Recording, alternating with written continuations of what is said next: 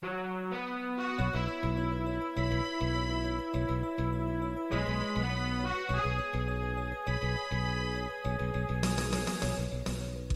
listening to Radio Free Asia. The following program is in Khmer.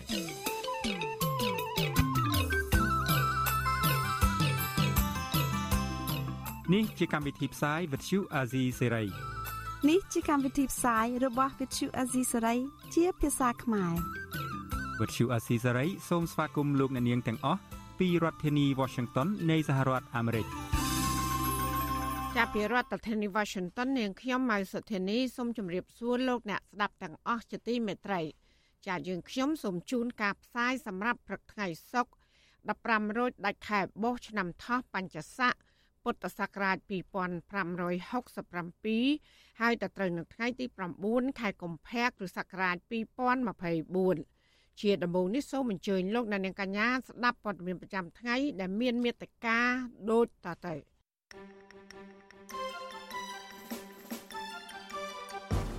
លោកកំសខាឆ្លើយឲ្យចៅក្រមពន្លឿននីតិវិធី ដើម្បីផ្ដល់យុត្តិធម៌ជូនលោកអ្នកខ្លំមើលលើកឡើងថាការកែតម្រង់ប្រព័ន្ធយុតិធធនឹងមិនមានប្រសិទ្ធភាពនោះទេ ក្រមយុវជនផ្សាយវីដេអូបង្ហាញពីបញ្ហាសម្រាមនៅតាមបណ្ដោយច្រាំងស្ទឹងសង្កែខេត្តបាត់ដំបង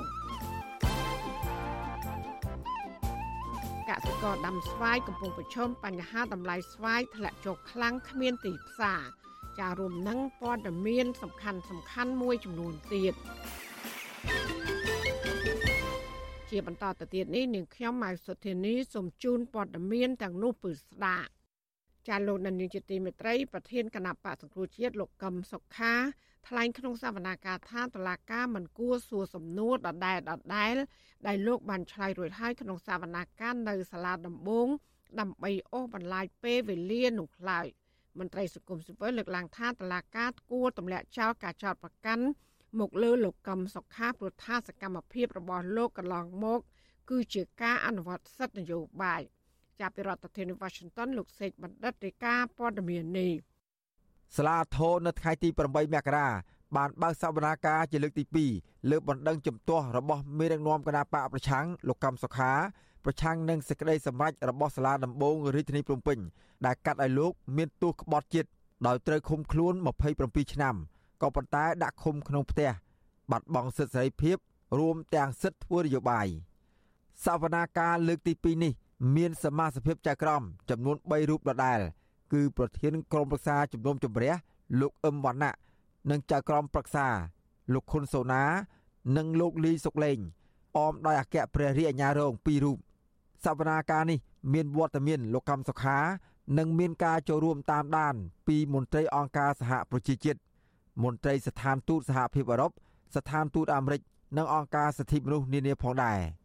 ក្រោយចេញពីបន្ទប់សវនាការមេធាវីលោកកំសុខា គឺលោកអាងឧត្តមលើកឡើងថាសវនាការលើកនេះចៅក្រមនិងតំណាងអាយកាចាប់ផ្ដើមសួរសំណួរទៅកាន់លោកកំសុខា ពាក់ព័ន្ធនឹងការអប់រំ ប្រវត្តិការងារនិងនយោបាយនិងដំណើរការបង្កើតមជ្ឈមណ្ឌលសិទ្ធិមនុស្សកម្ពុជាហៅកាត់ថា CCHR ទោះជាយ៉ាងណា លោកអាងឧត្តមលើកឡើងថា ការសួរសំណួរពាក់ព័ន្ធនឹងការបង្កើតអង្គការសិទ្ធិមនុស្សនេះ គឺផ្ទុយពីក្រមព្រហ្មទណ្ឌដែលបានដាក់ឲ្យប្រើប្រាស់កាលពីឆ្នាំ2007ត្រង់មេត្រា3ចែងថា មានតែអំពើដែលបង្កើតជាបទល្មើសនៅពេលដែលអំពើនោះ មានចែងនៅក្នុងបទបញ្ញត្តិព្រហ្មទណ្ឌជាធរមានប៉ុណ្ណោះទើបត្រូវផ្ដន់ទោសព្រហ្មទណ្ឌបាននិយាយទៅតែតារាការនឹងអនុម័តយកយក cái ផោះតាំងដែលកើតមុនក្រមចូលព្រំតន់យកប្រើការបានអត់ យើងវិជាឲ្យថានឹងប្រើមិនកើតទេបើយកអានោះមកប្រើវារំលោភលើគោលការណ៍និច្ចានុគោលភាពនៃក្រមព្រំតន់ហើយខ្ញុំបានបញ្ជាក់អញ្ចឹងអឺតាមពិតគាត់ទឿនឲ្យលឿនណាស់ដែរតែដោយសារគេដាក់កម្រងយ៉ាងហើយវាត្រូវដើរតាមកម្រងយ៉ាងហើយអញ្ចឹងលោកអាងឧត្តមលើកឡើងទៀតថាសវនាការសំណុំរឿងលោកកំសខា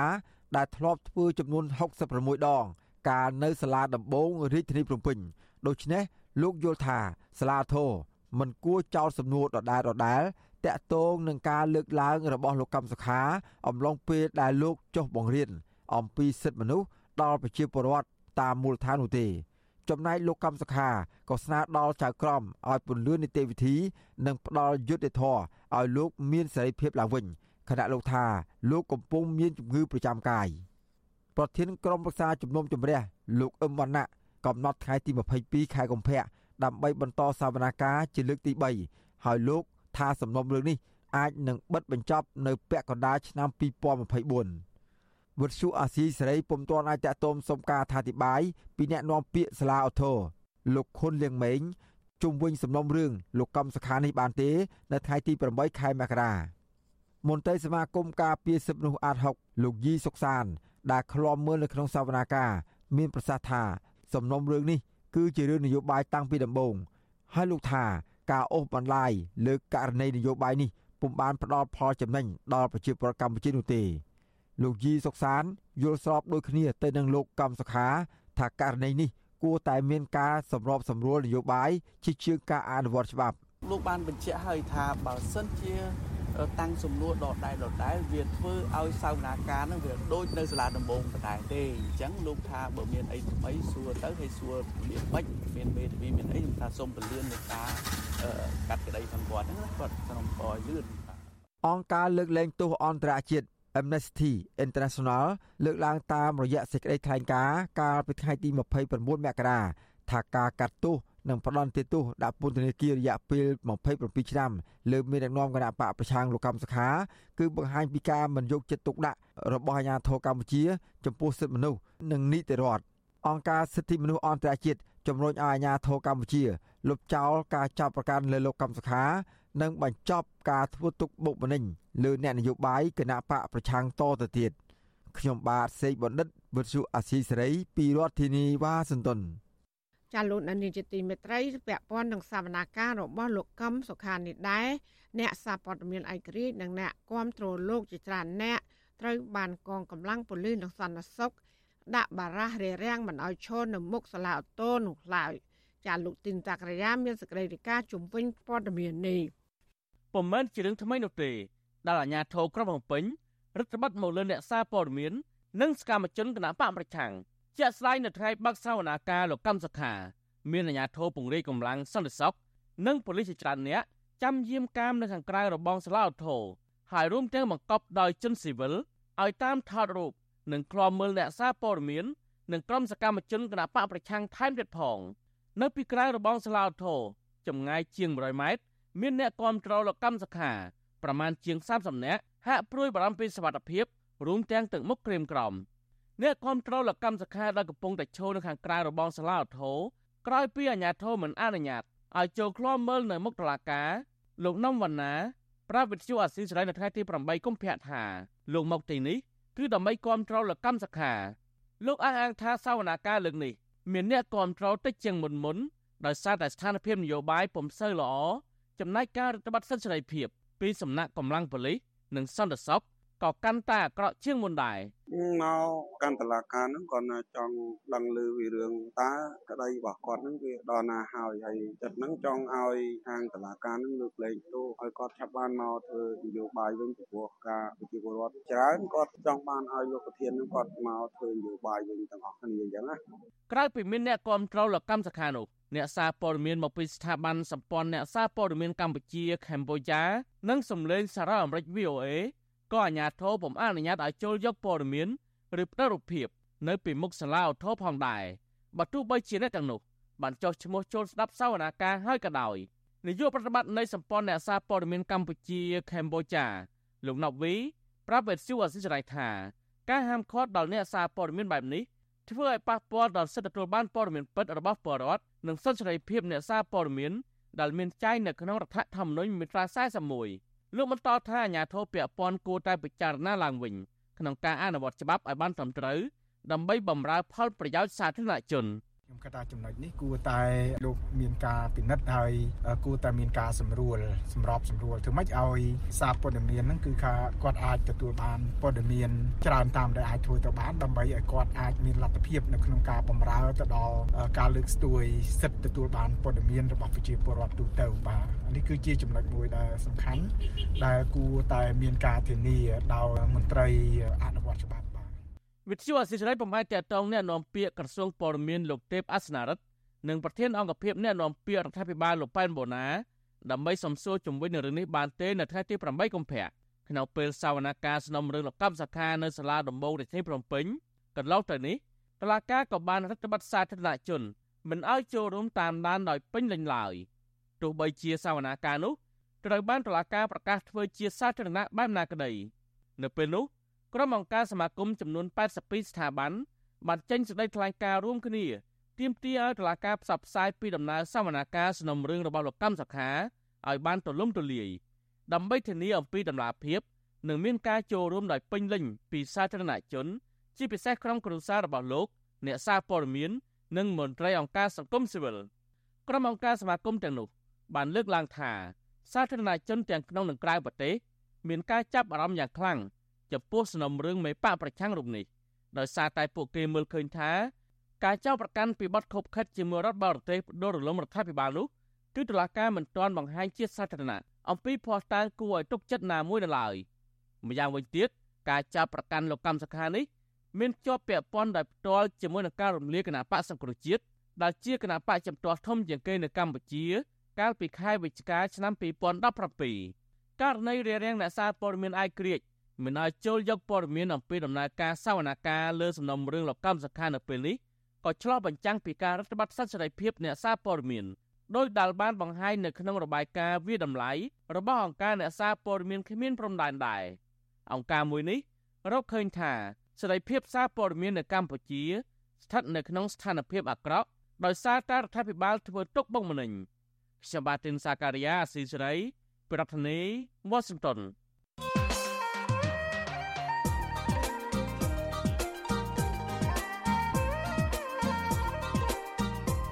បានលោកនេះទីមេត្រីក្រុមមេដឹកនាំគណៈបកកម្លាំងជាតិនិងគណៈបកភ្លឹងទៀនដែលតំណាងឲ្យគណៈបកចន្ទៈខ្មែរនឹងជួបជជែកគ្នានៅថ្ងៃសុក្រទី9កុម្ភៈនេះដើម្បីពិភាក្សាគ្នាលើការបែងចែកមណ្ឌលបោះឆ្នោតប្រសិទ្ធភាព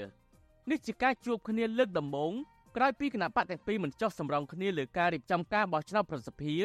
ហើយដណ្ដើមអង្គបោះឆ្នោតគ្នាដែលមានជាង2000នាក់នោះ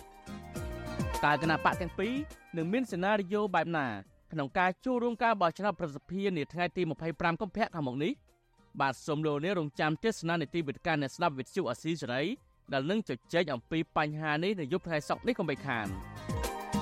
លោកនាងអាចបញ្ចេញមតិយោបល់ឬសួរសំណួរដោយដាក់លេខទូរស័ព្ទរបស់លោកនាងនៅក្នុងប្រអប់ខ្ទង់ comment នៃការផ្សាយផ្ទាល់របស់វិទ្យុអស៊ីសេរីនៅលើបណ្ដាញសង្គម Facebook Telegram និង YouTube ក្រុមការងាររបស់យើងនឹងតាក់ទងទៅលោកនាងវិញបាទសូមអរគុណ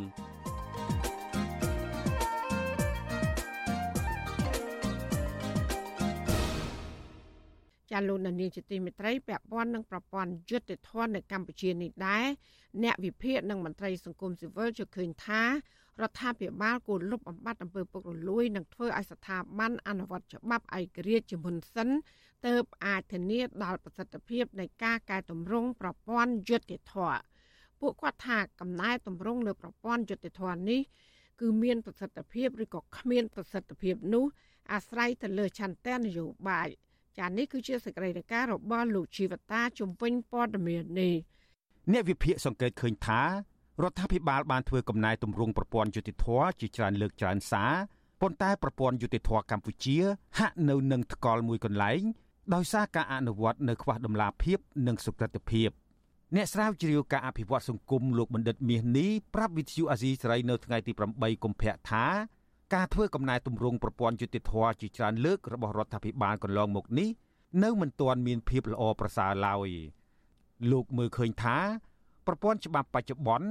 នៅតែជាឋានសួគ៌សម្រាប់អ្នកមានលុយមានអំណាចប្រើប្រាស់ដើម្បីស្វែងរកផលប្រយោជន៍និងកិច្ចចេញពីការទទួលខុសត្រូវ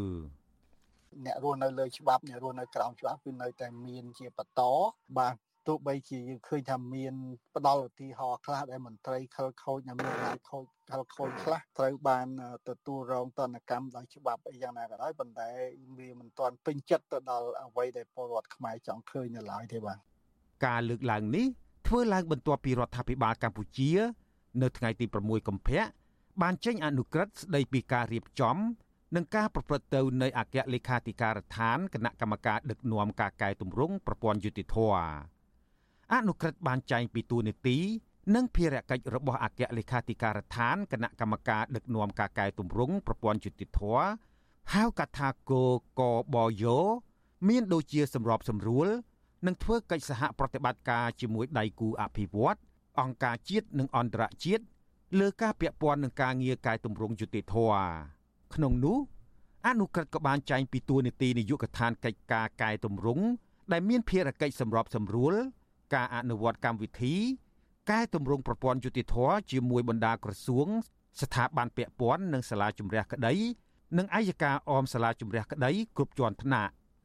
នាយកទទួលបន្ទុកកិច្ចការទូតនៃអង្គការឃ្លាំមើលសិទ្ធិមនុស្សលីកាដូលោកអំសំអាត លើកឡើងថានៅពេលប្រជុំជាមួយក្រុមប្រឹក្សាសិទ្ធិមនុស្សនិងអ្នករាយការណ៍ពីស្ថានភាពសិទ្ធិមនុស្សប្រចាំនៅកម្ពុជា សង្គមស៊ីវិលតែងផ្ដល់យោបល់ឲ្យរដ្ឋាភិបាលកែតម្រង់ប្រព័ន្ធច្បាប់ ប្រព័ន្ធយុតិធធនិងតុលាការឲ្យមានឯករាជ្យរួចមកហើយប៉ុន្តែសំណើនេះហាក់មិនទាន់ចេញជារូបរាងពេញលេញនោះទេ ខ្ញុំយល់ថាកំណែតម្រង់ទៅលើប្រព័ន្ធយុតិធធនេះមានប្រសិទ្ធភាពឬមិនមានប្រសិទ្ធភាពវាអាស្រ័យទៅលើឆន្ទៈនយោបាយក្នុងការកំណែតម្រង់នោះទេបើយើងមានអន្ទាក់នៅក្នុងការកំណែតម្រង់ពិតប្រាកដអានឹងវាអាចធ្វើឲ្យមានប្រសិទ្ធភាពពិតប្រាកដហើយពីព្រោះបើយើងមើលទៅបច្ចុប្បន្ននេះស្ថាប័នប្រព័ន្ធយុតិធធឬក៏តុលាការយើងឃើញតែមានការរិះគន់ច្រើនដែរ ទោះជាយ៉ាងណានេះមិនមែនជាលើកដំបូងនោះទេដែលរដ្ឋាភិបាលនីតិកាលទី7នេះបានធ្វើកំណែទម្រង់ប្រព័ន្ធយុតិធធម៌ជាក់ស្ដែងកាលពីថ្ងៃទី8មករារដ្ឋមន្ត្រីក្រសួងយុតិធធម៌លោកកើតរិទ្ធបានចេញសេចក្តីសម្រេចស្តីពីការបង្កើតក្រុមការងារនៃគណៈកម្មការដឹកនាំនិងអនុវត្តយុទ្ធនាការត្រួតពិនិត្យនិងដោះស្រាយភាពមិនប្រក្រតីនៅតាមតុលាការដោយក្រុមការងារនេះមានតួនាទីស៊ើបអង្កេតចម្រាញ់យកមន្ត្រីស្អាតស្អំ និងចាត់វិធានការលើមន្ត្រីខលខូចក្រោយមកទៀតកាលពីថ្ងៃទី18មករារដ្ឋមន្ត្រីក្រសួងយុតិធធម៌លោកកើតរិទ្ធក៏បានស្នើសុំកិច្ចសហការពីប្រធានអង្គភិបប្រឆាំងអំពើពុករលួយលោកអោមយិនទៀងដើម្បីលើកកម្ពស់គុណភាពនិងប្រសិទ្ធភាពនៃប្រព័ន្ធយុតិធធម៌និងពង្រឹងការអនុវត្តច្បាប់ចំពោះសំណុំរឿង3ប្រភេទគឺគ្រឿងញៀនគ្រោះថ្នាក់ចរាចរណ៍និងអត្រានុកូលដ្ឋានជាច្រើនឆ្នាំកន្លងមកនេះ គេតែងឃើញរដ្ឋាភិបាលចេញគោលការណ៍ជាបន្តបន្ទាប់និងសេចក្តីសម្រេចនានាសម្ដៅកែតម្រង់ប្រព័ន្ធយុតិធធម៌ក៏ប៉ុន្តែ ស្ថាប័នតុលាការនៅតែទទួលរងការរិះគន់ពីសហគមន៍ជាតិនិងអន្តរជាតិថាអនុវត្តច្បាប់គ្មានដំណាភាពនិងលំអៀងជាពិសេសរើសអើងឬពុករលួយផ្នែកនយោបាយរបាយការណ៍ស្តីពីសន្ទុះនីតិរដ្ឋប្រចាំឆ្នាំ2022របស់អង្គការគម្រោងយុតិធធម៌ពិភពលោកបង្ហាញថា កម្ពុជាជាប់ចំណាត់ថ្នាក់អាក្រក់បំផុតរហូតដល់បាតតារាង គឺនៅលេខរៀង139ក្នុងចំណោម140ប្រទេស គឺគ្រាន់បើជាងប្រទេសវេណេស៊ុយអេឡាមួយតែប៉ុណ្ណោះអ្នកសង្កេតការថាការបង្កើតគណៈកម្មាធិការនេះ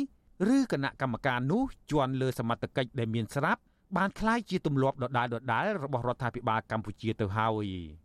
ពួកគេចង់ឲ្យមានការប្រើប្រាស់និងពង្រឹងសមត្ថកិច្ចឬដែនអំណាចរបស់ស្ថាប័នដែលមានស្រាប់ ឧទាហរណ៍ដូចជាឧត្តមក្រុមប្រឹក្សានៃអង្គចៅក្រម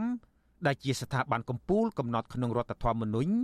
ដែលមានតួនាទីពង្រឹងនិងលើកកម្ពស់ប្រព័ន្ធយុតិធធម៌និងឯករាជ្យរបស់តុលាការជាជាងបង្កើតថ្មីជាន់លើគ្នា តែបញ្ហានៅតែកើតមានខ្ញុំជីវិតាអាស៊ីសេរី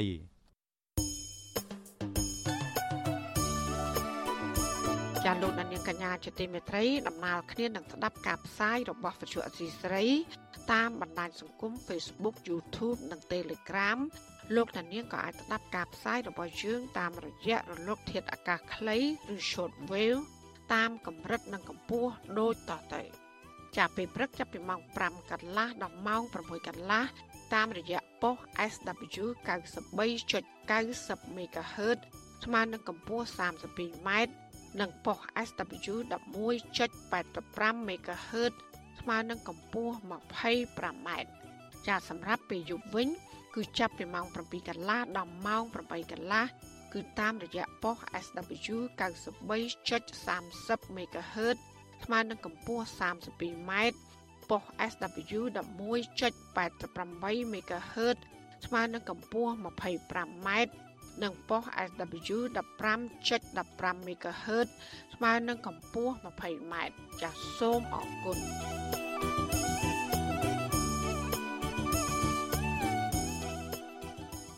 ចាលោកអ្នកនាងកញ្ញាកំពុងស្ដាប់ការផ្សាយរបស់វិទ្យុអសីស្រីផ្សាយចេញពីរដ្ឋធានី Washington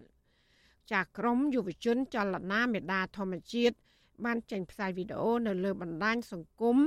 កាលពីថ្ងៃទី8ខែកុម្ភៈម្សិលមិញដោយបង្ហាញពីវិបត្តិសម្រាមនៅមាត់ស្ទឹងសង្កែចាវីដេអូនេះបង្ហាញឲ្យឃើញសម្រាមផ្លាស្ទិកស្អិតស្កះ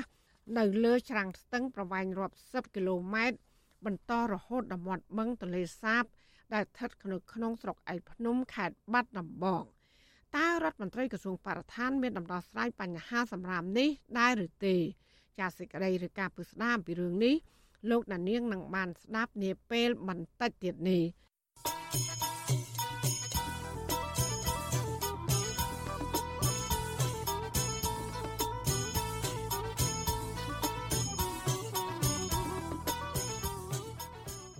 ចាលោកនានីជាទីមេត្រីពាក់ព័ន្ធនឹងដំណើរទស្សនកិច្ចរបស់លោកហ៊ុនម៉ាណែត ទៅប្រទេសថៃវិញ លោកនាយករដ្ឋមន្ត្រីហ៊ុនម៉ាណែតបានអះអាងភ្លាមភ្លាម ក្រោយត្រឡប់ពីជួបមេដឹកនាំថៃកាលពីថ្ងៃទី7ខែកុម្ភៈថាកម្ពុជានិងថៃឯកភាពគ្នាដើម្បីសិក្សាបូមយកប្រេងនិងអូស្មန်នៅតំបន់ត្រួតស៊ីគ្នាមិនមែនជាការបាត់បង់ដែនទឹករបស់កម្ពុជានោះឡើយលោកហ៊ុនម៉ាណែតអះអាងថាការព្រមព្រៀងគ្នាជាមួយភៀកគីថៃយកប្រេងនៅតំបន់ត្រួតស៊ីគ្នានេះគឺដើម្បីផលប្រយោជន៍ជាតិ កិច្ចការងារព្រំដែនទឹកយើងត្រូវបន្តចរចាដោយប្រុងប្រយ័ត្ននិងដើម្បីការពារផលប្រយោជន៍ជាតិអធិបតេយ្យភាពជាតិខាងថៃក៏ដូចគ្នាយើងត្រូវកចាគ្នាផ្អែកទៅលើបច្ចេកទេសដែលប្រើពេលយូរប៉ុន្តែពេលជាមួយគ្នាយើងក៏ដឹងថានៅក្នុងតំបន់ហ្នឹងគឺមានប្រេងកាតហើយប្រេងកាតនេះមិនមែនតែនៅក្នុងដីពីណាទេគឺតាមបច្ចេកទេសសិក្សារួចទៅគឺវានៅក្នុងគេថាមួយធុងហ្នឹងវានៅកន្លែងយើងនៅដីយើងខ្លះនៅខាងថៃខ្លះ គ្រាន់តែព្រមកាលើប៉ុន្តែជាបច្ចេកទេសយើងបានដឹងហើយសួរថាហេតុអីបានជាយើងត្រូវពិចារណាទៅលើនេះសន្តិសុខធម្មពលគឺជាយុទ្ធសាស្ត្រយូរអង្វែងរបស់កម្ពុជានិងថៃដូចគ្នាគ្មានស្អីធ្វើបានគ្មានស្អីទៅរួចបើគ្មានធម្មពលនោះទេការអះអាងរបស់លោកហ៊ុនម៉ាណែតស្របពេលដែលមន្ត្រីបពប្រឆាំងរិះគន់ថាលោកហ៊ុនម៉ាណែតបានព្រមព្រៀងគ្នាជាមួយនាយករដ្ឋមន្ត្រីថៃលោកសេដ្ឋាថាវេសិន ដើម្បីរកប្រេងនិងអូស្មန်នៅបាតសមុទ្រនៅតំបន់ដែលមានចំនួនជាមួយថៃនេះនឹងធ្វើឲ្យកម្ពុជាខាតបង់ជាពិសេសដែនសមុទ្រដែលមានចំនួនប្រមាណ20ឆ្នាំមកហើយចាពួកគេក៏បានលើកឡើងថារដ្ឋាភិបាលលោកហ៊ុនម៉ាណែតគួរតែដោះស្រាយបញ្ហាចំនួនព្រំដែនសមុទ្រឬក៏តំបន់ត្រួតស៊ីគ្នាឲ្យដាច់ស្រេចជាមុនសិននាយករដ្ឋមន្ត្រីថៃលោកសេដ្ឋាថាវីសិននិងនាយករដ្ឋមន្ត្រីកម្ពុជាលោកហ៊ុនម៉ាណែត បានព្រមព្រៀងគ្នាសិក្សាបូមយកប្រេងនិងអូស្មန်នៅតំបន់ត្រួតស៊ីគ្នាក្នុងឱកាសដែលលោកហ៊ុនម៉ាណែតទៅធ្វើទស្សនកិច្ចជាលើកដំបូងនៅប្រទេសថៃកាលពីថ្ងៃទី7ខែកុម្ភៈភាគីកម្ពុជានិងថៃ បានចរចាដោះស្រាយចំនួននៃព្រំដែនសមុទ្ររវាងប្រទេសទាំងពីរ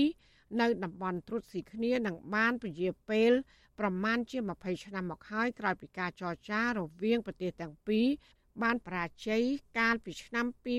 2001តំបន់ត្រុតស៊ីគ្នានេះគឺមានផ្ទៃក្រឡាជាង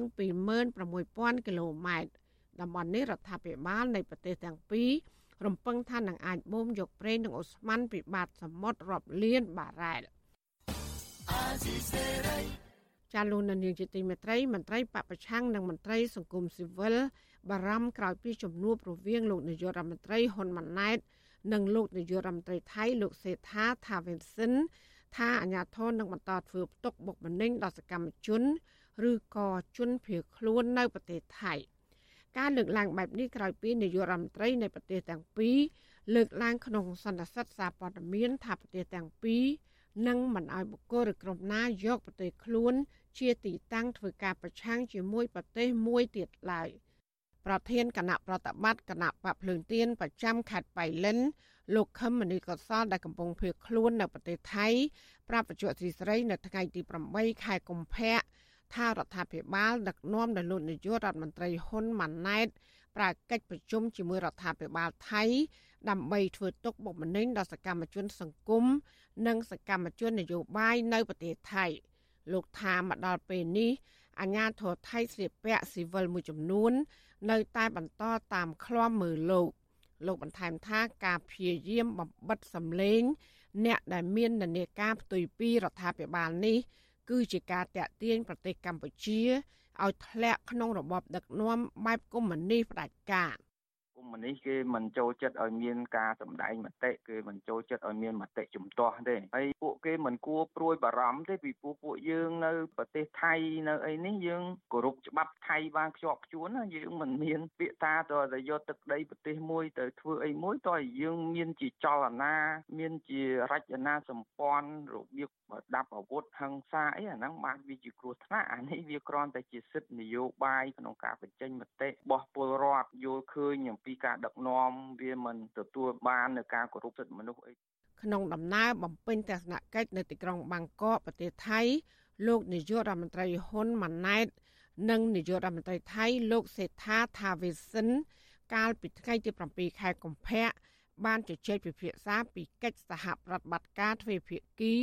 លើវិស័យនយោបាយទំនាក់ទំនងការទូតសេដ្ឋកិច្ចពាណិជ្ជកម្មនិងបញ្ហាព្រំដែន ព្រមទាំងលើកឡើងពីការមិនផ្ដល់ទីតាំងឲ្យបុគ្គលឬក្រុមណាប្រើប្រាស់ទឹកដីប្រទេសខ្លួនដើម្បីប្រឆាំងនឹងប្រទេសមួយផ្សេងទៀតលើពីនេះលោកហ៊ុនម៉ាណែតក៏ថែមទាំងអគុណដល់រដ្ឋាភិបាលថៃ ដែលបានចាប់ខ្លួននិងរារាំងមិនឲ្យសកម្មជនបពប្រឆាំងប្រើប្រាស់ទឹកដីថៃដើម្បីប្រឆាំងនឹងរដ្ឋាភិបាលរបស់លោក។មន្ត្រីគម្រោងនៃមជ្ឈមណ្ឌលសម្ព័ន្ធភាពការងារនិងសិទ្ធិមនុស្ស នៃអង្គការសង្ត្រាលោកលឹងសុផុនមានប្រសាសន៍ថានៅរយៈពេលចុងក្រោយនេះ មានការធ្វើទុកបុកម្នេញលើសកម្មជនសង្គមនិងសកម្មជននយោបាយបពប្រឆាំងដែលកំពុងភៀសខ្លួននៅប្រទេសថៃ ដោយការគម្រាមកំហែងការប្រើអំពើហិង្សានិងការចាប់ខ្លួនជាដើម។ ព្រួយបារម្ភនឹងព្រួយបារម្ភក្នុងការធ្វើការដែលជាលក្ខណៈសង្គមស៊ីវិលដើម្បីឲ្យបងប្អូនប្រជាពលរដ្ឋខ្មែរនេះបានយល់ដឹងបន្ថែមនៅអ្វីដែលពួកគាត់មិនទាន់បានយល់ដឹងអញ្ចឹងណាបាទអញ្ចឹងក៏មានការព្រួយបារម្ភដែរពីសវត្ថិភាពខ្លាចដូចយើងធ្វើអីតិចក៏គេចាប់យើងធ្វើអីតិចក៏គេគម្រាមកំហែងកន្លងមកខ្ញុំឃើញគេគម្រាមកំហែងច្រើនបាទទាក់ទងទៅបងប្អូនខ្មែរយើងដែលគាត់នៅថៃហើយគាត់បញ្ចេញមតិបញ្ចេញយោបល់តាម Facebook តាម page របស់ពួកគាត់នឹងលើកឡើងពីបញ្ហាស្ថានភាពនយោបាយបាយនៅស្រុកខ្មែរអីចឹងក៏មានការគម្រាមកំហែងតាម Facebook អីចឹងណាបាទឃើញថាច្រើននៅមុននឹងអំឡុងពេលដែលលោកហ៊ុនម៉ាណែត បំពេញទស្សនកិច្ចនៅប្រទេសថៃ សមត្ថកិច្ចថៃ បានចាប់ខ្លួនជនភៀសខ្លួនខ្មែរនិងពលករខ្មែរដែលគ្រប់គ្រងបពប្រឆាំងជាបន្តបន្ទាប់គិតមកដល់ពេលនេះពលករខ្មែរជនភៀសខ្លួន និងក្រុមគ្រួសារកូនកូនរបស់ពួកគេចំនួន17នាក់ហើយ កំពុងជាប់ឃុំនៅពន្ធនាគារប្រទេសថៃ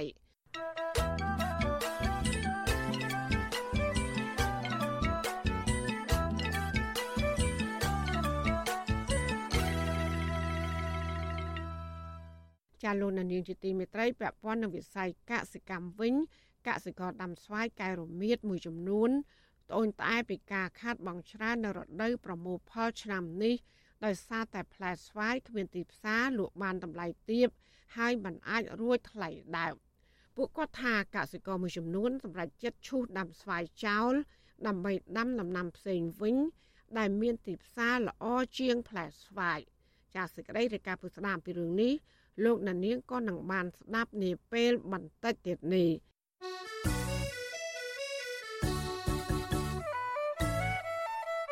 ចាលោកណានៀងជាទីមេត្រីកម្មវិធី podcast កម្ពុជាសប្តាហ៍នេះរបស់វិទ្យុអសីស្រីចេញផ្សាយនៅរៀងរាល់ព្រឹកថ្ងៃសៅរ៍នៃសប្តាហ៍នីមួយៗមកនៅប្រទេសកម្ពុជា ចាសសូមប្រិយមិត្តស្វែងរកនិងស្ដាប់ podcast របស់យើងនៅលើកម្មវិធី podcast របស់ Apple, Google និង Spotify ដោយគ្រាន់តែសរសេរពាក្យថាកម្ពុជាសប្តាហ៍នេះឬ Cambodia this week នៅក្នុងប្រអប់ស្វែងរក តែយើងក៏នឹងចាប់ផ្សាយ podcast នេះឡើងវិញ នៅក្នុងការផ្សាយផ្ទាល់របស់យើងតាមបណ្ដាញសង្គម Facebook YouTube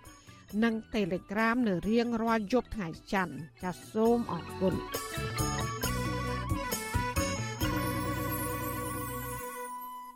ចាលោកនានីជាទីមេត្រីដែលឡាយពាក់ព័ន្ធនឹងគ្រោះថ្នាក់ចរាចរណ៍វិញមន្ត្រីសង្គមស៊ីវិលនៅតែលើកឡើងថាគ្រឿងស្រវឹង នៅតែជាកត្តាចម្បងដែលនាំឲ្យមានគ្រោះថ្នាក់ចរាចរណ៍កើនឡើងជាបន្តបន្ទាប់ការលើកឡើងនេះបន្ទាប់ពីអាជ្ញាធរបានចេញរបាយការណ៍រកឃើញថាគ្រោះថ្នាក់ចរាចរណ៍បណ្ដាលមកពីអ្នកបើកបរស្រវឹងមានត្រឹមតែ3%ប៉ុណ្ណោះចាលោកហ៊ុំចម្រើនរាយការណ៍ព័ត៌មាននេះ មន្ត្រីអង្គការសង្គមស៊ីវិលលើកឡើងថាការមិនអាចរកឃើញមូលហេតុពិតប្រាកដបណ្ដាលឲ្យកើតមានគ្រោះថ្នាក់ចរាចរណ៍និងមិនអាចទប់ស្កាត់ចំនួនគ្រោះថ្នាក់ចរាចរណ៍បានឡើយប្រធានមជ្ឈមណ្ឌលប្រជាពលរដ្ឋដើម្បីអភិវឌ្ឍនិងសន្តិភាពលោកយងកំឯងយល់ឃើញថាអត្រាអ្នកបើកបរក្នុងស្ថានភាពស្រវឹងគឺជាមូលហេតុចម្បងមួយដែលបង្កឲ្យមានគ្រោះថ្នាក់ចរាចរណ៍លោកអះអាងថា ការរកឃើញថាគ្រោះថ្នាក់ចរាចរណ៍ឆ្នាំ2024បង្កឡើងដោយអ្នកបើកបរស្រវឹងមានត្រឹម3%ហាក់មិនឆ្លុះបញ្ចាំងពីការពិតនោះឡើយបើសិនជាយើងមើលថាគ្រោះថ្នាក់ចរាចរណ៍ហ្នឹងគឺភាគច្រើនបំផុត55%គឺកើតឡើងពេលយប់បើ55%កើតឡើងពេលយប់ហេតុអីបានពាក់ព័ន្ធជាមួយគ្រឿងសង្វឹងតែ3%នេះជារឿងមួយដែលរៀងចម្លែកដែរណាបាទ ហើយដែលយើងឃើញថាគ្រោះថ្នាក់ចរាចរណ៍ដែលពាក់ព័ន្ធគ្រឿងសង្វឹងគឺពេលយប់លោកយងកំឯងបន្ថែមថាដើម្បីទប់ស្កាត់គ្រោះថ្នាក់ចរាចរណ៍សមត្ថកិច្ចគួរដាក់ពិន័យលើអ្នកបើកបរលើសល្បឿនកំណត់ឲ្យបានត្រឹមត្រូវទៅតាមច្បាប់ជាជាងសម្រួលគ្នានៅក្រៅប្រព័ន្ធច្បាប់ ដែលមិនអាចកែប្រែអិរិយាបថអ្នកបើកបរល្មើសច្បាប់ចរាចរណ៍បានប្រតិកម្មរបស់មន្ត្រីសង្គមស៊ីវិលរូបនេះ ក្រោយពេលគណៈកម្មការជាតិសវត្ថភាពចរាចរណ៍ផ្លូវគោកបង្ហាញរបាយការណ៍គ្រោះថ្នាក់ចរាចរណ៍ឆ្នាំ2023ដោយរកឃើញថាមូលហេតុចម្បងបណ្ដាលឲ្យមានគ្រោះថ្នាក់ចរាចរណ៍គឺបើកបរល្មើសល្បឿនកំណត់41%មិនគោរពសិទ្ធិអ្នកដទៃ22%ចំណែកមូលហេតុអ្នកបើកបរស្រវឹងមានត្រឹមតែ3%ប៉ុណ្ណោះរបាយការណ៍ក៏បានបញ្ជាក់ដែរថា អត្រាគ្រោះថ្នាក់ចរាចរណ៍ឆ្នាំ2023បានកើតឡើង11%ច្រើនជាងឆ្នាំ2022ដោយចំនួនគ្រោះថ្នាក់ចរាចរណ៍កើតឡើងជិត4000ដង ក្នុងនោះបង្កឲ្យមានមនុស្សស្លាប់ជិត1600នាក់និងរបួសជាង4500នាក់កាលពីថ្ងៃទី14ខែមករាកន្លងទៅរដ្ឋមន្ត្រីក្រសួងមហាផ្ទៃនិងជាប្រធានគណៈកម្មការជាតិសុវត្ថិភាពចរាចរណ៍ផ្លូវគោកលោកសសុខាបង្ហាញក្តីព្រួយបារម្ភថា ចំនួនអ្នកស្លាប់ដោយសារគ្រោះថ្នាក់ចរាចរណ៍ផ្លូវគោកក្នុងឆ្នាំ2024អាចនឹងកើតឡើងលើសចំនួន2000នាក់ដែលចំនួននេះគឺជាការឈានដល់បន្ទាត់ក្រហមខណៈចំនួនប្រជាពលរដ្ឋស្លាប់ដោយសារគ្រោះថ្នាក់ចរាចរណ៍ក្នុងឆ្នាំ2023មានចំនួនជាង1900នាក់ជុំវិញរឿងនេះអ្នកជំនាញសវត្ថភាពជុំវិញរឿងនេះអ្នកជំនាញផ្នែកសវត្ថភាពចរាចរណ៍លោកគង់រតនៈមានប្រសាសន៍ថាដើម្បីកាត់បន្ថយចំនួនគ្រោះថ្នាក់ចរាចរណ៍ សមត្ថកិច្ចគួរចាត់វិធានការច្បាប់ឲ្យបានម៉ឺងម៉ាត់និងធ្ងន់ធ្ងរចំពោះអ្នកបើកបរល្មើសច្បាប់លោកបន្តថាការរកឃើញមូលហេតុបណ្ដាលឲ្យកើតមានគ្រោះថ្នាក់ចរាចរណ៍បង្កដោយអ្នកបើកបរស្រវឹងមានត្រឹម3%នេះអាចឆ្លុះបញ្ចាំងថាការប្រមូលទិន្នន័យអំពីគ្រោះថ្នាក់ចរាចរណ៍របស់មន្ត្រីជំនាញធ្វើឡើងដោយមិនគ្រប់ជ្រុងជ្រោយឡើយការវិតម្លៃ ទៅលើមូលហេតុហ្នឹងខ្ញុំគិតថាធ្វើឲ្យយើងអត់អស់ចិត្តទាំងអស់គ្នាពីព្រោះយើងឃើញហើយសកម្មភាពតាក់ទងជាមួយនឹងការផ្សព្វផ្សាយនិងការប្រើប្រាស់ហ្នឹងមានច្រើនតែដល់ពេលយើងឃើញផលប៉ះពាល់វាហាក់បីដូចជាតិចពេកប៉ុន្តែសម្រាប់ខ្ញុំខ្ញុំមិនថាគេខុសទេក៏ប៉ុន្តែខ្ញុំគិតថាវាគួរតែមានការប្រមូលឲ្យបានគ្រប់ជ្រុងជ្រោយឬក៏ការសិក្សាឲ្យបានច្បាស់លាស់ជាងហ្នឹងរដ្ឋមន្ត្រីក្រសួងសាធារណការនិងដឹកជញ្ជូនលោកពេងពូនីធ្លាប់លើកឡើងកាលពីខែកញ្ញាឆ្នាំ2023ថា គ្រោះថ្នាក់ចរាចរណ៍ជាបញ្ហាសុខភាពសាធារណៈដែលទាមទារឲ្យមានការដោះស្រាយជាបន្ទាន់គណៈកម្ពុជាខាតបង់ថវិកាជាតិជាង400លានដុល្លារអាមេរិកក្នុងមួយឆ្នាំដោយមិនទាន់គិតពីផលវិបាកសង្គមនានាជាច្រើនទៀតកន្លងមកបើទោះបីជារបាយការណ៍កម្មវិធីអភិវឌ្ឍអង្គការសហប្រជាជាតិហៅកាត់ថា UNDP កាលពីឆ្នាំ2021រកឃើញថា មូលហេតុចម្បង បង្កឲ្យមានគ្រោះថ្នាក់ចរាចរណ៍គឺបណ្ដាលមកពីអ្នកបើកបរស្រវឹងក្តីតែរដ្ឋាភិបាលកម្ពុជាមិនបានទប់ស្កាត់ការផ្សព្វផ្សាយគ្រឿងស្រវឹងនៅទីសាធារណៈនោះទេមន្ត្រីអង្គការសង្គមស៊ីវិលលើកឡើងថាសមត្ថកិច្ចគួរធ្វើរបាយការណ៍អំពីមូលហេតុបង្កឲ្យមានគ្រោះថ្នាក់ចរាចរណ៍ឲ្យបានត្រឹមត្រូវទើបអាចកាត់បន្ថយគ្រោះថ្នាក់ចរាចរណ៍ជោគជ័យខ្ញុំបាទហុំចម្រើនវិទ្យុ អាស៊ីសេរីពីរដ្ឋធានី Washington ចាលោកនាងជាទីមេត្រីក្រមយុវជនចលនាមេដាធម្មជាតិបានចេញផ្សាយវីដេអូមួយនៅលើបណ្ដាញសង្គមកាលពីថ្ងៃទី8ខែកុម្ភៈដោយបានបង្ហាញពីវិបត្តិសម្រាមនៅវត្តស្ទឹងសង្កែវីដេអូនេះបង្ហាញឲ្យឃើញថាសម្រាមផ្លាស្ទិកស្អិតស្កះនៅលើច្រាំងស្ទឹងប្រវែងរាប់គីឡូម៉ែត្របន្តរហូតដល់មាត់បឹងទន្លេសាប ដែលស្ថិតក្នុងស្រុកឯកភ្នំខេត្តបាត់ដំបង ក្រមយុវជនបានផ្ញើសារចោទសួររដ្ឋមន្ត្រីក្រសួងបរិស្ថានលោកអៀងសុផលឡែតថាតើលោកដោះស្រាយបញ្ហានេះបានដែរឬទេ ដើម្បីកាត់បន្ថយផលប៉ះពាល់ដល់សុខភាព របស់ប្រជាពលរដ្ឋនិងកុមារដែលប្រើប្រាស់ទឹកស្ទឹងសង្កែប្រចាំថ្ងៃចាប់ពីរដ្ឋធានី Washington អ្នកត្រីសុជីវីមានសេចក្តីរាយការណ៍ពឹស្ដាជំវិញព័ត៌មាននេះ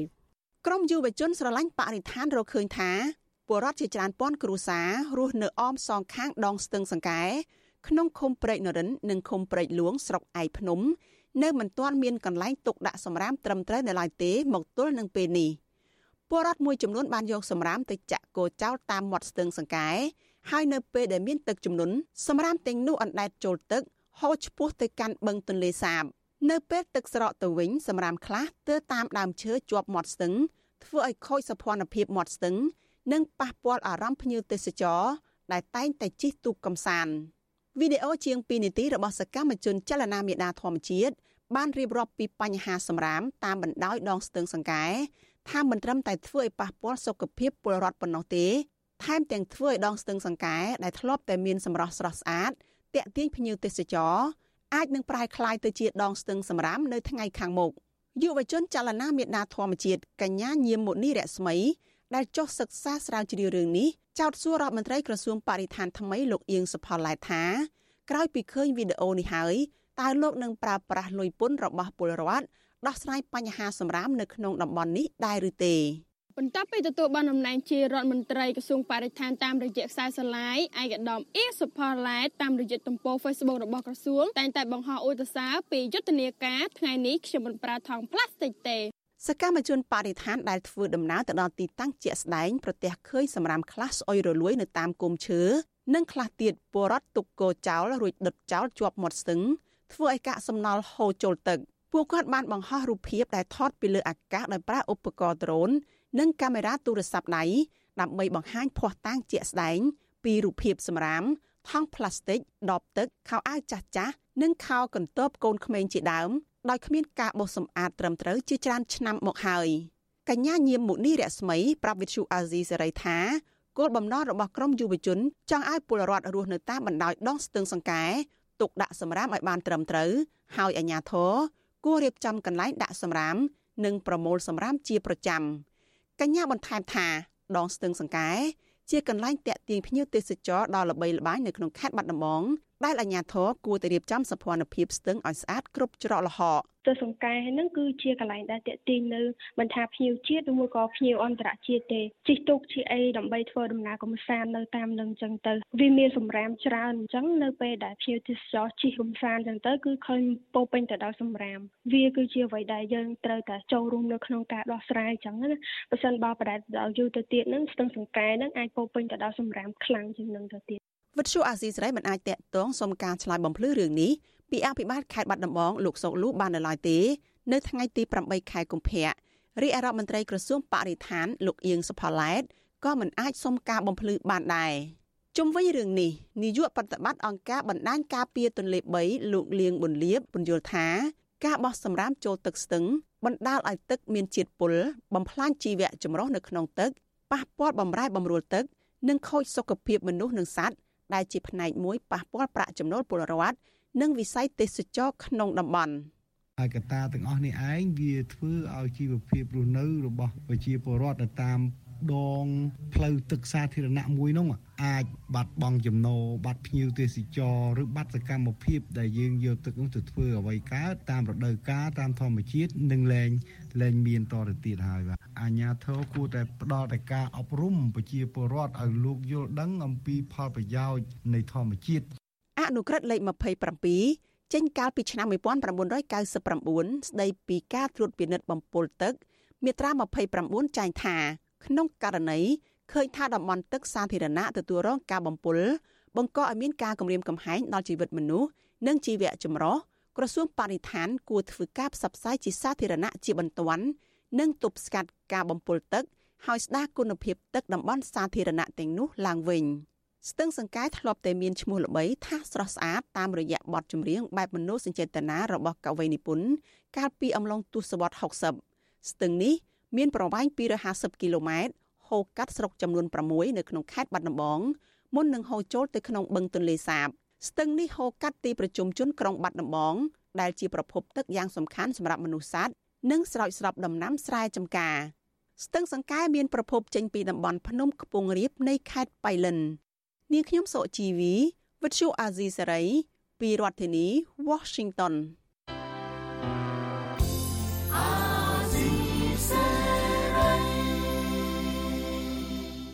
ចាលោកនាងកញ្ញាកំពុងស្ដាប់ការផ្សាយរបស់វិទ្យុអាស៊ីសេរីផ្សាយចេញពីរដ្ឋធានី Washington ពាក់ព័ន្ធនឹងគ្រោះថ្នាក់ចរាចរណ៍វិញអ្នកជំនាញផ្នែកច្បាប់និងសង្គមស៊ីវិលជំរុញទៅកាន់សមត្ថកិច្ចឲ្យអនុវត្តច្បាប់ឲ្យបានម៉ឺងម៉ាត់ចំពោះជនបង្កគ្រោះថ្នាក់ចរាចរណ៍ដោយសារបើកបរខ្ជិលខ្ជានៅតាមដងផ្លូវបណ្ដាលឲ្យមនុស្សស្លាប់បើទោះបីជាជនបង្កបានផ្ដល់សំណងជាប្រាក់ដល់គ្រួសារជនរងគ្រោះយ៉ាងណាក៏ដោយ ពួកគេថាបើគ្រាន់តែបុកអំនួស្លាប់ហើយបងលុយរួចខ្លួននោះជនបង្កនឹងមិនរៀងចាឡើយហើយនឹងបង្កឲ្យមានអំពើអយុត្តិធម៌និងនិទានភាពចាលោកជីវតារាជការពឹកស្ដារជំវិញព័ត៌មាននេះការជំរុញរបស់សង្គមស៊ីវិលនេះធ្វើឡើងក្រោយពីមានករណីគ្រោះថ្នាក់ចរាចរណ៍កើតឡើងជាហូរហែបណ្ដាលឲ្យមនុស្សស្លាប់និងក្រោយពីមានការបង់ប្រាក់របស់ជនបង្កដល់គ្រួសាររបស់ជនរងគ្រោះ ជាថ្នូវនឹងការដកពាក្យបណ្ដឹងប្តឹងជនរងគ្រោះទៅតុលាការគ្រោះថ្នាក់ចរាចរណ៍ចុងក្រោយដែលកើតឡើងដោយសារការបើកបរមិនគោរពច្បាប់បានកើតមានឡើងនៅក្រុងបាវិតខេត្តស្វាយរៀងកាលពីថ្ងៃទី3កុម្ភៈដែលបង្កឡើងដោយជនជាតិចិនឈ្មោះវ៉ូនសាវឡុងបើករថយន្តស៊េរីទំនើបម៉ាកលួចស៊ីសក្នុងស្ថានភាពស្រវឹងបុកទៅលើបុរសឈ្មោះសុះតចន្ទធីតានិងកូនតូចតូច2នាក់បណ្ដាលឲ្យស្លាប់នៅនឹងកន្លែងក្រោយគ្រោះថ្នាក់ចរាចរណ៍នេះបាន2ថ្ងៃ សារព័ត៌មានក្នុងស្រុកបានចុះផ្សាយថាគ្រួសារជនរងគ្រោះយល់ព្រមទទួលសំណង50,000ដុល្លារពីជនបង្កក្រុមការសម្របសម្រួលរបស់អាជ្ញាធរដោយភាគីជនរងគ្រោះសន្យាថានឹងដកពាក្យបណ្ដឹងដែលប្តឹងជនបង្កមន្ត្រីប្រចាំអធិការដ្ឋាននគរបាលក្រុងបាវិតប្រាប់វិទ្យុអាស៊ីសេរីនៅថ្ងៃទី7កុម្ភៈថាសំណុំរឿងនេះស្ថិតនៅក្នុងដៃការិយាល័យចរាចរណ៍ប្រធានការិយាល័យចរាចរណ៍លោកពេជ្រសារ៉ន បដិសេធឆ្លើយនឹងសំណួរជុំវិញករណីនេះនៅថ្ងៃដដែលអ្នកសិក្សាផ្នែកច្បាប់បណ្ឌិតសឿនជុំជួនមានប្រសាសន៍ថាក្នុងករណីដែលបុគ្គលណាម្នាក់បើកបរដោយសារតែការខ្ជិះខ្ជាឬការធ្វេសប្រហែសរបស់ខ្លួនហើយបុកទៅលើបុគ្គលណាម្នាក់ទៀតបណ្ដាលឲ្យបាត់បង់ជីវិតគឺមិនអាចបញ្ចប់ត្រឹមការផ្ដោតប្រាក់សំណងបាននោះទេ លោកបន្តថាជនបង្កត្រូវទទួលខុសត្រូវផ្នែកព្រហ្មទណ្ឌ ហើយអាជ្ញាធរក៏មិនអាចសម្រុះសម្រួលបញ្ចប់ករណីត្រឹមនេះទេទោះបីគ្រួសារជនរងគ្រោះយល់ព្រមក៏ដោយចោះបណ្ឌិតសឿនជុំជួនថាសមត្ថកិច្ចត្រូវតែឃាត់ជនបង្កនៅនឹងកន្លែងកើតហេតុនិងកសាងសំណុំរឿងទៅតុលាការដើម្បីឲ្យជនបង្កទទួលខុសត្រូវទាំងសំណងផ្នែកហិរញ្ញវត្ថុនិងការទទួលខុសត្រូវផ្នែកព្រហ្មទណ្ឌសំណុំរឿងហ្នឹងมันអាចបិទបញ្ចប់នៅត្រឹមនគរបាលទេសំណុំរឿងហ្នឹងត្រូវតែបញ្ជូនទៅ តុលាការដើម្បីធ្វើការវិនិច្ឆ័យទៅលើសំណុំរឿងហ្នឹងណាពីព្រោះថាការសម្របសម្រួលការដកចិត្តមិនហ្នឹងគ្រាន់តែជារឿងរដ្ឋវិន័យទេណាបាទមាត្រា85នៃច្បាប់ចរាចរណ៍ផ្លូវគោកចែងថាជនណាដែលបើកបរដោយធ្វេសប្រហែសខ្ជាខ្ជា មិនប្រុងប្រយ័ត្នឬមិនគោរពកាតព្វកិច្ចដែលបទបញ្ញត្តិស្ដីពីចរាចរណ៍ផ្លូវគោកតម្រូវ បណ្ដាលឲ្យស្លាប់អ្នកដទៃត្រូវផ្ដន្ទាទោសដាក់ពន្ធនាគារពី1ឆ្នាំទៅ3ឆ្នាំពីនៃជាប្រាក់ពី4លានរៀលទៅ15លានរៀលនិងអាចត្រូវផ្ដន្ទាទោសដោយទោសបន្ថែមមួយឬច្រើនដោយមានចែងក្នុងមាត្រា53នៃប្រភេទទោសបន្ថែមនៃក្រមព្រហ្មទណ្ឌចំណែកមាត្រា25នៃក្រមនីតិវិធីព្រហ្មទណ្ឌចែងថាជនរងគ្រោះអាចលះបង់មិនធ្វើបណ្ដឹងសុំទាមទារសំណងឬដកពាក្យបណ្ដឹងរបស់ខ្លួន ការលះបង់មិនប្តឹងឬដកពាក្យបណ្ដឹងរបស់ជនរងគ្រោះមិនអាចបញ្ឈប់ឬព្យួរការអនុវត្តនៃបណ្ដឹងអាជ្ញាបានទេ លើកលែងបញ្ញត្តិចំណុចទី2នៃមាត្រា8នៃក្រមនេះអ្នកជំនាញផ្នែកសវត្ថភាពចរាចរណ៍លោកគង់រតនៈលើកឡើងថាសមត្ថកិច្ចត្រូវតែអនុវត្តច្បាប់នៅពេលដែលមានករណីគ្រោះថ្នាក់ចរាចរណ៍ដោយមិនចាំបាច់ត្រូវរងចាំបញ្ជាពីថ្នាក់លើ ឬទាល់តែមានការរិះគន់ពីសាធារណជននោះទេ លោកគង់រតនៈបន្តថាច្បាប់នឹងមានតម្លៃប្រសិនបើមន្ត្រីផ្ដាល់យុតិធធម៌ពិតប្រាកដនឹងទាន់ពេលវេលាដល់ជនរងគ្រោះ។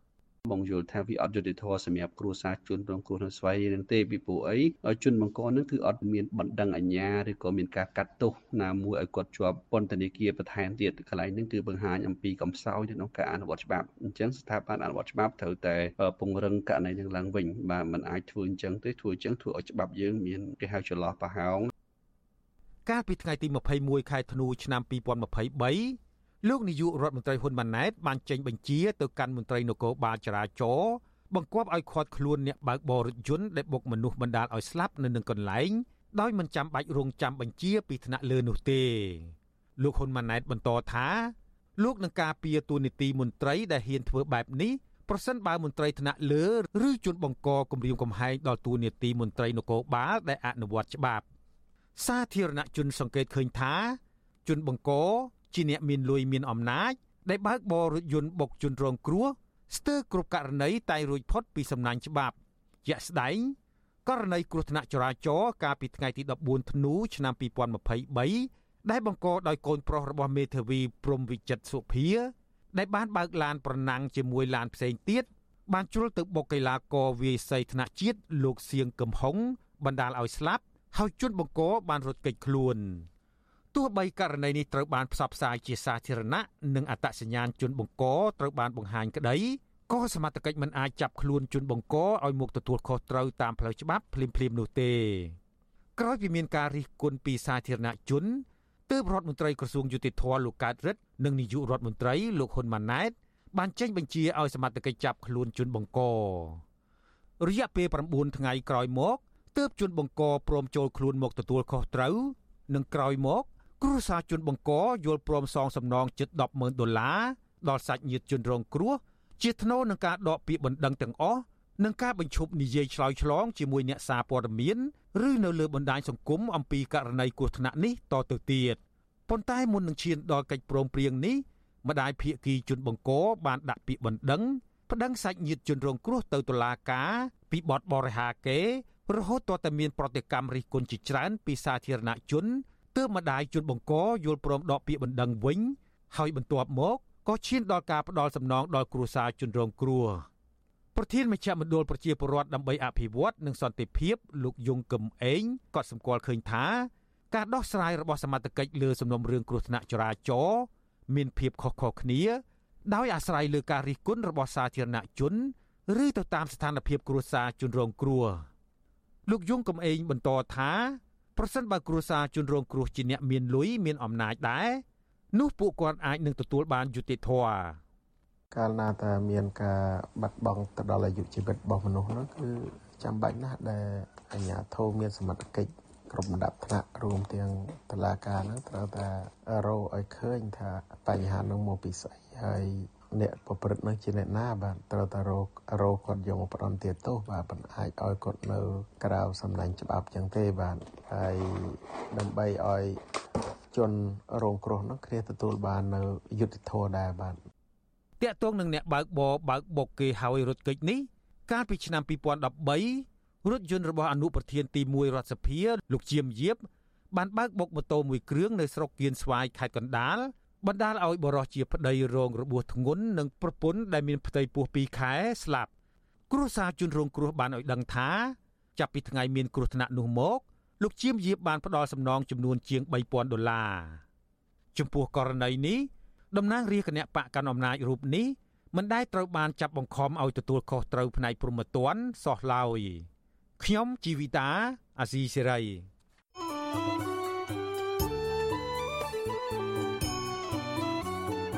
thank you លោកដានៀងជាទីមេត្រីក្នុងឱកាសនេះដែរនាងខ្ញុំសូមថ្លែងអំណរគុណដល់លោកដានៀងកញ្ញាទាំងអស់ដែលតែងតែមានភក្ដីភាព ចំពោះការផ្សាយរបស់យើងហើយចាត់ទុកការស្ដាប់វិទ្យុអសីសេរី គឺជាផ្នែកមួយនៃសកម្មភាពប្រចាំថ្ងៃរបស់លោកអ្នកការគ្រប់គ្រងរបស់លោកដានៀងនេះហើយដែលធ្វើយើងខ្ញុំមានទឹកចិត្តកាន់តែខ្លាំងថែមទៀតក្នុងការស្វែងរកនិងផ្តល់ព័ត៌មានជូនដល់លោកដានៀង ចាំមានអ្នកស្ដាប់អ្នកទេសនាកាន់តែច្រើនកាន់តែធ្វើឲ្យយើងខ្ញុំមានភាពស្វាហាប់មោះមុតជាបន្តទៀតចាយើងខ្ញុំសូមអរគុណទុកជាមុនហើយក៏សូមអញ្ជើញលោកដានៀងកញ្ញាចូលរួមជំរុញឲ្យសកម្មភាពផ្ដល់ព័ត៌មានរបស់យើងនេះកាន់តែជោគជ័យបន្ថែមទៀតលោកដានៀងអាចជួយយើងខ្ញុំបានដោយគ្រាន់តែចុចចែករំលែកឬ share ការផ្សាយរបស់យើងនេះ នៅលើបណ្ដាញសង្គម Facebook និង YouTube ទៅកាន់មិត្តភ័ក្តិដើម្បីឲ្យការផ្សាយរបស់យើងនេះបានទៅដល់មនុស្សកាន់តែច្រើនចាសសូមអរគុណ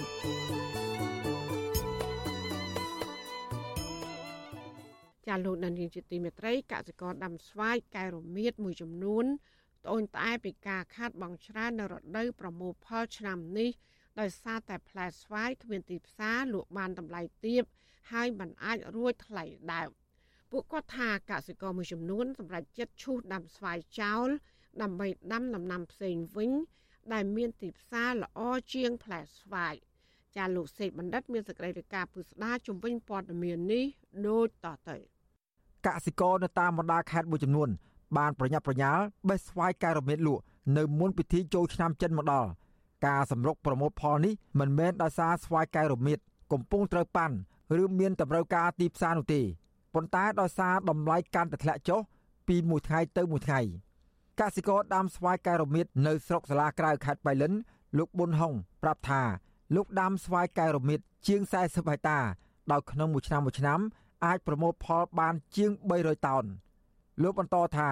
តម្លៃស្វាយកែរមៀតបានដាំក្បាលចុះចាប់តាំងពីផ្ទុះជំងឺ Covid-19 កាលពីឆ្នាំ2021មកម្លេះនិងបាត់បង់ទីផ្សារបន្តិចម្ដងបន្តិចម្ដងជារៀងរាល់ឆ្នាំ ដែលធ្វើឲ្យលោកខ្សែធនរហូតជំពាក់បំណុលធនាគារថែមទៀតផង។បែរជារឿងចោលអូនតាំងពីដាំស្វាយដល់មកវាទៅរហូតទៅពាក់គេវ៉ាន់ក៏រហូតនិយាយទៅតម្លៃសម្រាប់ស្វាយខុសរដូវមិនបាច់ថ្លៃខ្ពស់ពេកទេបានត្រឹម1000ហ្នឹងគឺអាចយើងអាចមានកម្លាំងចិត្តផលិតប៉ុណ្ណឹងវាអាចចំណេញបានខ្លះអញ្ចឹងណាតម្លៃធ្វើបានប៉ុណ្ណឹងតែបើថាសម្រាប់ស្វាយរដូវស្វាយរដូវវាហ្មងតែត្រឹម500ហ្នឹងក៏អាចបានដែរនេះសម្រាប់រដូវកាលរបស់វាស្វាយកែរមៀតគឺជាប្រភេទដំណាំកសិឧស្សាហកម្ម ដែលមានសាច់ពណ៌លឿងទុំក្របតូចរសជាតិជូរអែមនិងឲ្យផលដោយមិនរើសរដូវកាលឡើយគេយកស្វាយប្រភេទនេះទៅធ្វើជាដំណាប់ភេសជ្ជៈធ្វើស្ករគ្រាប់ឬទទួលទានផ្លែស្រស់ក៏បាន នៅមុនការផ្ទុះជំងឺ Covid-19 ស្វាយប្រភេទនេះហាក់មានហាងឆេងល្អគួរសម ដោយបាននាំចេញទៅប្រទេសចិន និងប្រទេសវៀតណាមជាដើមបញ្ហាតម្លៃស្វាយកែវរមៀតធ្លាក់ចុះនេះ មិនមែនមានតែខេត្តបៃលិនមួយប៉ុណ្ណោះទេ នៅខេត្តដទៃទៀតមិនត្រឹមតែតម្លៃថោកនោះទេសំបីអ្នកទិញក៏គ្មានដែរកសិករនៅស្រុកលវីអែមខេត្តកណ្ដាលលោកចាន់ណែតឲ្យដឹងថាលោកនិងកសិករមួយចំនួនទៀតនាំគ្នាឈូសដើមស្វាយចោលបណ្ដាបណ្ដាហើយដោយសារតែលោកបានថ្លៃទាបពេកលោកធ្លាប់រំពឹងថា នៅមុនរដូវបុណ្យចូលឆ្នាំចិនមកដល់ស្វាយកែវរមៀតគួរតែមានទីផ្សារ និងមានតម្លៃចន្លោះពី800ទៅ1000រៀលប៉ុន្តែបែរជាធ្លាក់ចុះនៅក្រោម500រៀលទៅវិញហើយថែមទាំងគ្មានអ្នកទិញថែមទៀតផងភាគច្រើនឈ្មួញកដាបងហើយតម្លៃឲ្យតែ400ហ្នឹង450ណាឈ្មួញកដាទេអ្នកចុះទិញអត់មានក្រុមហ៊ុនចុះទៅទិញទេតម្លៃហ្នឹងយើងអាចទទួលយកបានដោយសារស្វាយខែហ្នឹងវាមាននៅមានតម្លៃមុនចុះណាំចិនអីចឹងហើយមានតម្លៃថា1000ជាងនៅទៅ7 800ហើយដល់ពេលធ្លាក់នៅ3 400 500ក៏យើងពិបាកដែរព្រោះឆ្នាំវាថ្លៃឆ្នាំជីថ្លៃចឹងបច្ចុប្បន្នស្វាយកែវរមៀតមានតម្លៃ400រៀលក្នុង1គីឡូក្រាម ហើយកសិករប៉ានប្រមាណថាអាចនឹងធ្លាក់ចុះដល់150រៀលនៅរដូវវស្សាកសិករបញ្ជាក់ថាតលតែតម្លៃស្វាយកែវរមៀតឡើងដល់800ទៅ1000រៀលទើបពួកគាត់ចំណេញបន្ទាប់ពីកាត់ថ្លៃថ្នាំ និងជីកសិកម្មរួចបន្ថែមពីលើនេះកសិកររអ៊ូរទាំដូចគ្នាថា ការប្រមូលផលស្វាយកែវរមៀតឆ្នាំនេះមានបញ្ហាច្រើន ដោយសារបញ្ហាអាកាសធាតុប្រែប្រួលក្តៅត្រជាក់មិនទៀងទាត់ និងមានភ្លៀងធ្លាក់ខុសធម្មតា ដែលបណ្ដាលឲ្យស្វាយជ្រុះផ្កាហើយកសិករត្រូវចំណាយដើមទុនបន្ថែមដើម្បីទិញថ្នាំមកបាញ់ឲ្យកាន់ផ្លែប្រធានក្រុមប្រឹក្សាភិបាលរបស់សមាគមកសិកម្មសាមគ្គីដំបែខេត្តត្បូងឃ្មុំ លោកអ៊ុំសុភាលើកឡើងថាបញ្ហាដែលបណ្ដាលឲ្យស្វាយកែវរមៀតធ្លាក់ថ្លៃ គឺបណ្ដាលមកពីកង្វះខាតសិប្បកម្មកែច្នៃស្វាយកែវរមៀតដោយកម្ពុជាពឹងផ្អែកតែទៅលើការនាំចេញផ្លែស្រស់ទៅកាន់ក្រៅប្រទេសប្រទេសវៀតណាមគេមានស្វាយដែរហើយណាមួយទៀតតម្រូវការក្នុងប្រទេសគេដូចជាមានរោងចក្រច្រើនរោងចក្រអ្នកវិនិយោគទុនដូចជាធ្វើតំណាប់ស្វាយធ្វើទឹកស្វាយអីហ្នឹងគឺភាគច្រើនគឺវៀតណាមហើយខ្មែរយើងមិនទាន់មានរោងចក្រដែលផលិតអីហ្នឹងធំដុំអីទេគ្រាន់តែតិចតួចអញ្ចឹងតម្រូវការវៀតណាមនោះគឺគេខ្លាំងមែនទែនក្នុងការផលិតធ្វើជាតំណាប់ស្វាយធ្វើអីដើម្បីនាំចេញទៅក្រៅប្រទេសណា វិទ្យុអសីសេរីនៅមិនទាន់អាចតាក់ទងแนะនាំពាក្យក្រសួងកសិកម្មរុក្ខាប្រមាញ់និងនេសាទកញ្ញាអឹមរចនាដើម្បីសុំការអធិប្បាយជុំវិញរឿងនេះបានឡើយទេរបាយការណ៍របស់អគ្គនាយកដ្ឋានកសិកម្មរយៈពេល8ខែក្នុងឆ្នាំ2023ផ្លែស្វាយស្រស់របស់កម្ពុជា បាននាំចេញចំនួនជិត100000តោនគឺធ្លាក់ចុះជាង21%បើប្រៀបធៀបនឹងរយៈពេលដូចគ្នាក្នុងឆ្នាំ2022កាលពីដើមឆ្នាំ2024 ក្រុមហ៊ុនលាវនីងចុងសាររបស់ចិន បានលើកឡើងថាស្វាយកែវរមៀតកម្ពុជា កំពុងមានទីផ្សារនៅប្រទេសរុស្ស៊ីប្រទេសចិន និងតំបន់អាស៊ីកណ្ដាលដោយសារមានរសជាតិឆ្ងាញ់ក្លិនឈ្ងុយមានជាតិសរសៃទាបប៉ុន្តែការលើកឡើងនេះហាក់ផ្ទុយពីស្ថានភាពជាក់ស្ដែងរបស់កសិករនៅក្នុងស្រុកដែលបេះផ្លែស្វាយចាក់គោលើគុលហើយនៅតែគ្មានអ្នកទិញទៀតទីប្រឹក្សាបច្ចេកទេសអង្គការសាមគ្គីភាពកសិករលោកឌីគុនធា យល់ឃើញថាទោះបីកសិករកាប់ដើមស្វាយចោលហើយនាំគ្នាដាំដំណាំផ្សេងក្តីក៏បញ្ហាតម្លៃកសិផលធ្លាក់ចុះនៅតែកើតមានឡើងដរាបណារដ្ឋាភិបាលនឹងបង្កើតចង្វាក់ផលិតកម្មកែច្នៃក្នុងស្រុកនោះទេភាគច្រើនគឺតម្លៃផ្លែស្វាយហ្នឹងគឺធ្លាក់ចុះតែម្ដងគឺគ្មានស្ថិរភាពលំនឹងតម្លៃស្វាយនៅប្រទេសកម្ពុជាទេ មានន័យថាគឺអាស្រ័យទៅលើឈ្មួញកណ្ដាលជាអ្នកកំណត់តម្លៃ កសិករនិងអ្នកជំនាញកសិកម្មសារសូមឲ្យរដ្ឋាភិបាលបង្កើតគោលនយោបាយភាពជាដៃគូរវាងរដ្ឋនិងឯកជន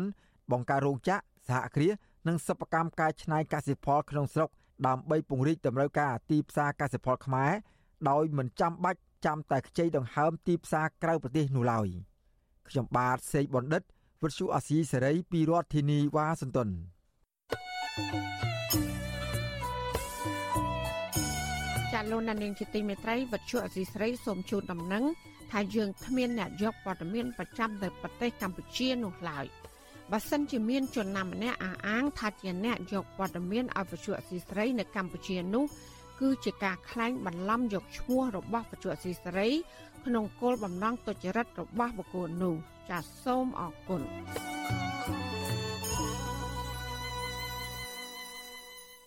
ចាលោកលានាងកញ្ញាអ្នកស្ដាប់ទីមេត្រីការផ្សាយរយៈពេល1ម៉ោងរបស់វិទ្យុអាស៊ីសេរីជាភាសាខ្មែរនៅពេលនេះចាប់តែប៉ុណ្ណេះ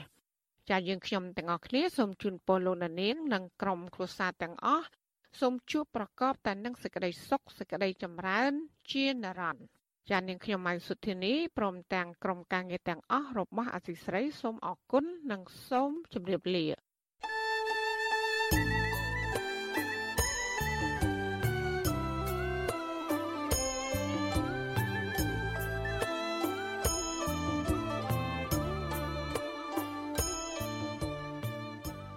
ទ្យុអេស៊ីសរ៉ៃផ្សាយតាមរលក ធារកាសខ្លីតាមកម្រិត និងកម្ពស់ដូចតទៅនេះ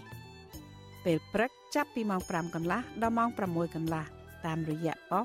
SW 93.90 MHz ស្មើនឹងកម្ពស់ 32m និងប៉ុស SW 11.85 MHz ស្មើនឹងកម្ពស់ 25m ពេលយប់ចាប់ពីម៉ោង7កន្លះដល់ម៉ោង8កន្លះតាមរយៈប៉ុស SW 93.30 MHz ស្មើនឹងកម្ពស់ 32m ប៉ុស SW 11.88 MHz ស្មើនឹងកម្ពស់ 25m និងប៉ុស SW 15.15 MHz ស្មើនឹងកម្ពស់ 20m លោកអ្នកនាងក៏អាចស្ដាប់និងទស្សនាការផ្សាយផ្ទាល់នៅលើគេហទំព័រ Visual Asia សេរីតាមរយៈអាសយដ្ឋាន rfa.org/ ខ្មែរក្រៅពីនេះលោកអ្នកនាងក៏អាចអាននិងទស្សនាព័ត៌មាន Visual Asia សេរីលើទូរស័ព្ទដៃរបស់លោកអ្នកនាងផ្ទាល់ សូមអញ្ជើញលោកអ្នកនាងដំឡើងកម្មវិធី Visual Asia សេរីនៅលើទូរស័ព្ទដៃរបស់លោកអ្នកនាងឬស្វែងរក Visual Asia សេរីនៅលើ YouTube ឬ Facebook ដោយស្វែងរកពាក្យថា Visual Asia សេរីឬ RFA ខ្មែរសូមលោកអ្នកនាងចុច like follow និងចុច subscribe ដើម្បីទទួលបានព័ត៌មានថ្មីៗតាមហេតុការនិងទស្សនាវីដេអូផ្សេងៗទៀតបានគ្រប់ពេលវេលា យើងខ្ញុំសូមជូនពរដល់លោកអ្នកនាងព្រមទាំងក្រុមគ្រួសារទាំងអស់ឲ្យជួបប្រកបតែនឹងសេចក្តីសុខសេចក្តីចម្រើនរុងរឿងកុំបីឃ្លៀងឃ្លាតឡើយ។